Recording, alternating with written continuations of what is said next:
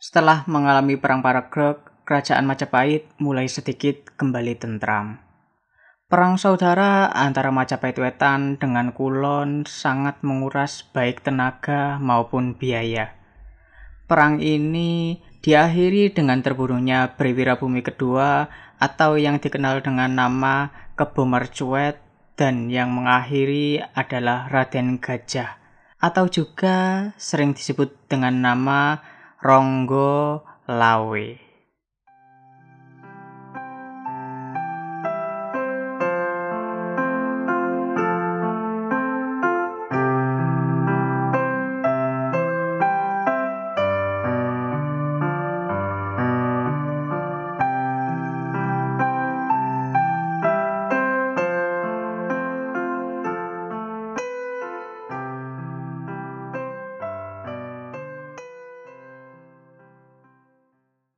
Raden Gajah yang berhasil meletakkan kepala Briwira Bumi dan itu artinya beliaulah yang berhasil mengalahkan kekuatan pasukan Majapahit Wetan.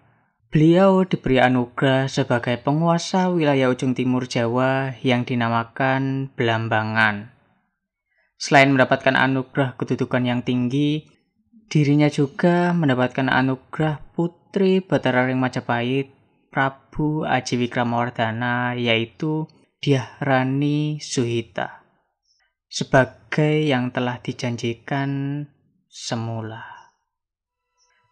Betara Ring Majapahit Prabu Aji Wikramawardhana telah mencanangkan sebuah sayembara. Sayembara yang menegaskan bahwa siapa saja yang berhasil memimpin pasukan Majapahit dan menumpas pemberontakan dari Priwira Bumi jika dirinya laki-laki, maka akan diangkat sebagai menantu Betara Ring Majapahit Prabu Aji Wikramardana.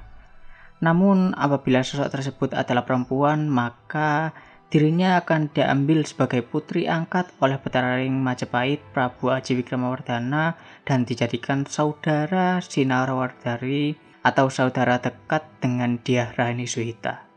Namun, mengingat usia Diarani Suhita masih belum dewasa, maka pernikahan tersebut akan ditangguhkan hingga usia dari Diah Suhita telah cukup umur untuk dipersunting. Namun, hingga mangkatnya Betara Ring Majapahit Prabu Aji Wikramardana beserta istrinya pada Syakawarsa 1349 atau 1427 Masehi. Dan diangkatlah Diharani Suhita sebagai seorang Prabu Setri atau Raja Putri pada tahun yang sama. Pernikahan antara Ayurani Suhita dengan Raden Gajah belum juga terlaksana. Usai penobatan Prabu Sri Diharani Suhita, Raden Gajah segera mengirimkan Nawolo kepada Prabu Sri Diharani Suhita. Nawolo yang berisi tentang penagihan janji atas anugerah kemenangan yang sudah seharusnya diterima olehnya. Nawalo tersebut segera dibalas oleh Prabu Sri Rani Suhita dengan memberikan janji untuk bersabar terlebih dahulu dan menunggu beberapa bulan lagi. Tahun berganti, Nawalo susulan dari Raden Gajah dikirimkan. Nawalo tersebut segera mendapatkan balasan agar penguasa Belambangan tersebut kembali menambah sabar. Beberapa bulan lagi, tuntutannya akan segera dipenuhi oleh Prabu Sri Rani Suhita. Waktu cepat berlalu, namun janji masih belum juga terpenuhi. Nawalo ketiga dikirimkan, kali ini dengan ancaman. Jika Prabu Sri Diharani Suhito membalasnya dengan janji-janji palsu seperti sebelumnya, maka Blambangan akan melakukan pemberontakan. Nawala balasan dengan tegas menyatakan menolak memenuhi janji yang dulu sudah dibuat. Karena bukan Prabu Sri Diharani Suhita yang membuat janji, melainkan mendiang dari Betara Majapahit Prabu Aji Wikramawardhana. Raden Gajah meradang dan kemarahannya pun tak bisa terbendung dia segera menyatakan perang dengan Majapahit. Menurut kasak kusuk yang terdengar, penolakan Prabu Sri Diharani Suhita adalah jijik karena melihat perwujudan dari Raden Gajah yang kini menjadi cacat tubuhnya. Wajahnya rusak, suaranya parau, dan satu kakinya tidak bisa digunakan dengan baik, sehingga ketika berjalan harus jinjit. Cacat yang dialami didapat setelah bertempur habis-habisan melawan Wirabumi dahulu.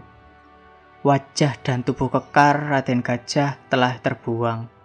Kini sebagai seorang penguasa Belambangan, dirinya dikenal sebagai sosok bangsawan yang berwajah kurang cakap dan kurang enak dipandang dengan tubuhnya yang tidak sempurna. Itu yang membuat Diah Rani Suita menolak dengan tegas janji yang sudah dibuat oleh ramanya. Peranan Majapahit melawan Blambangan membangkitkan kembali peperangan lama antara Majapahit Kulon melawan Majapahit Wetan. Kini Majapahit Wetan diwakili oleh Blambangan dan semenjak saat itu setiap kali orang Jawa menyebut pusat dari Majapahit Wetan, maka yang dimaksud adalah Blambangan. Tiada yang lain lagi, peperangan ini berlangsung berlarut-larut. Majapahit kini menjadi lapangan panas bak Kurusetra yang haus akan darah manusia dan mendapatkan lawan tanding Majapahit Wetan. Akhirnya Majapahit Wetan menunjukkan keunggulannya Pasukan Majapahit Wetan semakin merangsak ke barat dan memukul mundur semua pasukan Majapahit Kulon. Hingga hampir mendekati Trowulan, titik senopati-senopati pilihan yang memimpin pasukan Majapahit Kulon satu persatu tewas di medan laga.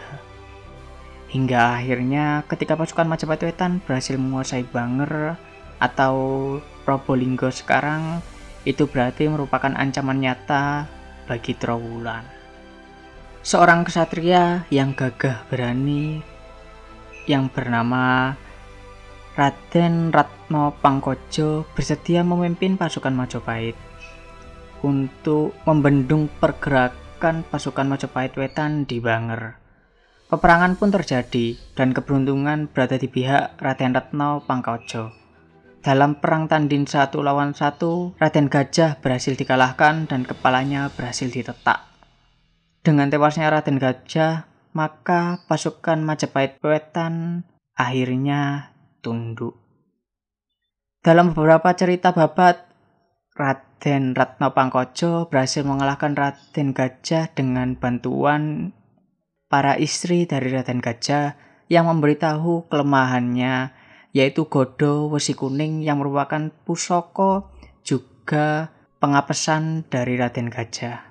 Hal itu juga didasari karena arahan dari abdi setia yang selalu mengikuti dan membimbing Raden Retno Pangkojo, yaitu Sabdo Palon dan Noyo Genggong. Kepala Raden Gajah dibawa menghadap ke Trowulan, Prabu Sri Diharani Suhita bersuka cita akan kemenangan tersebut. Dirinya pun akhirnya memasrahkan jiwa raga kepada Raden Retno Pangkojo untuk dipersunting. Penumpasan pemberontakan Raden Gajah ini dikenal dengan masyarakat Jawa sebagai kisah Damar Wulan dan Minak Jinggo.